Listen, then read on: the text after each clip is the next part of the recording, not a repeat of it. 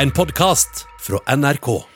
Vi tar røntgen, CT og mammografi for å avdekke sykdom, stille diagnoser og gjøre folk friske. Men nå viser det seg i en ganske fersk studie at undersøkelsen i seg sjøl er farligere enn en har trodd. Morten Munkvik, hvor skadelig er egentlig røntgen? Et isolert røntgenbilde er helt ufarlig. Problemet oppstår når man eh, tar f.eks. en CT-undersøkelse, som i prinsipp er det samme som veldig mange røntgenbilder oppå hverandre, og gjør det gjentatte ganger. Da kan stråledosen, den samla stråledosen bli så høy at det fører med seg risiko for annen type sykdom. Hva viser undersøkelsen? Den undersøkte 180 000 britiske personer som hadde fått tatt en CT-undersøkelse før de var 22 år, altså ganske unge folk.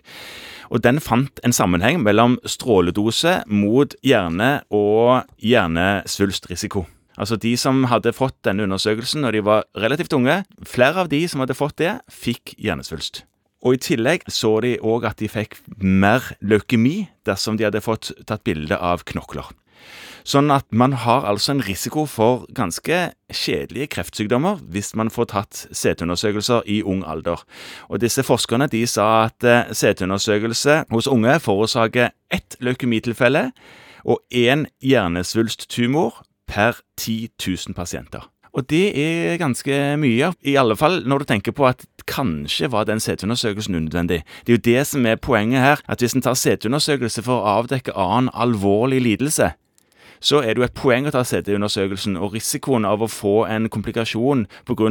CT-strålingen er, på en måte kalkulert. Men dersom en tar en CT-undersøkelse bare for sikkerhets skyld, eller bare fordi en tenkte at det hadde jo vært gøy å se hvordan det så ut, så er det jo fullstendig unødvendig å løpe den risikoen av å få enten hjernesvulst eller leukemi.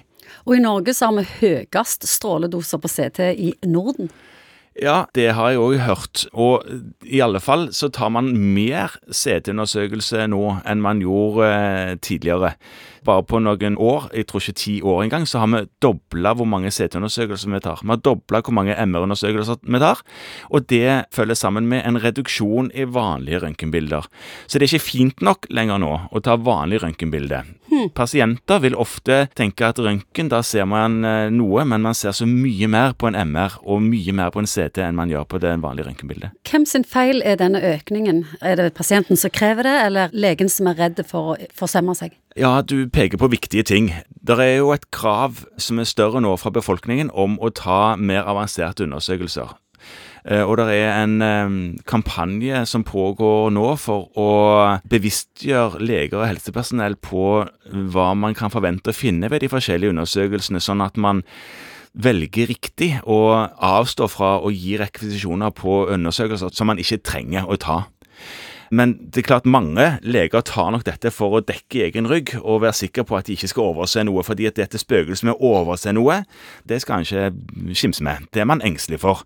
Men man vet veldig godt hvilke um, undersøkelser som man tar for mye av, f.eks. MR av kne, hvor man ikke lærer noen ting av svaret på det bildet. Kommer denne kunnskapen til å endre din praksis i framtida? Ja, jeg visste om dette, og jeg har tatt et av disse her kursene til Legeforeningen som prøver å peke på disse forbedringspunktene som finnes. Og jeg har allerede prøvd å ta grep i min egen praksis, men føler fortsatt på i enkelte tilfeller hvor jeg vet at dette er unødvendig, og jeg gjør det likevel. Og så har jeg ikke sånn veldig god grunnen etterpå hvorfor jeg gjorde det. Men jeg prøver å være flinkere, og det er egentlig det de fleste leger kan prøve på. Og så skal han ikke glemme at man har en privat sektor som sto for en fjerdedel av alle bildeundersøkelsene i Norge i fjor, eller når tid det var, som òg bygger her. Og jeg skal ikke si at de er unødvendige, men jeg tror det er mer der som tas for sikkerhets skyld, enn som tas av nødvendighet.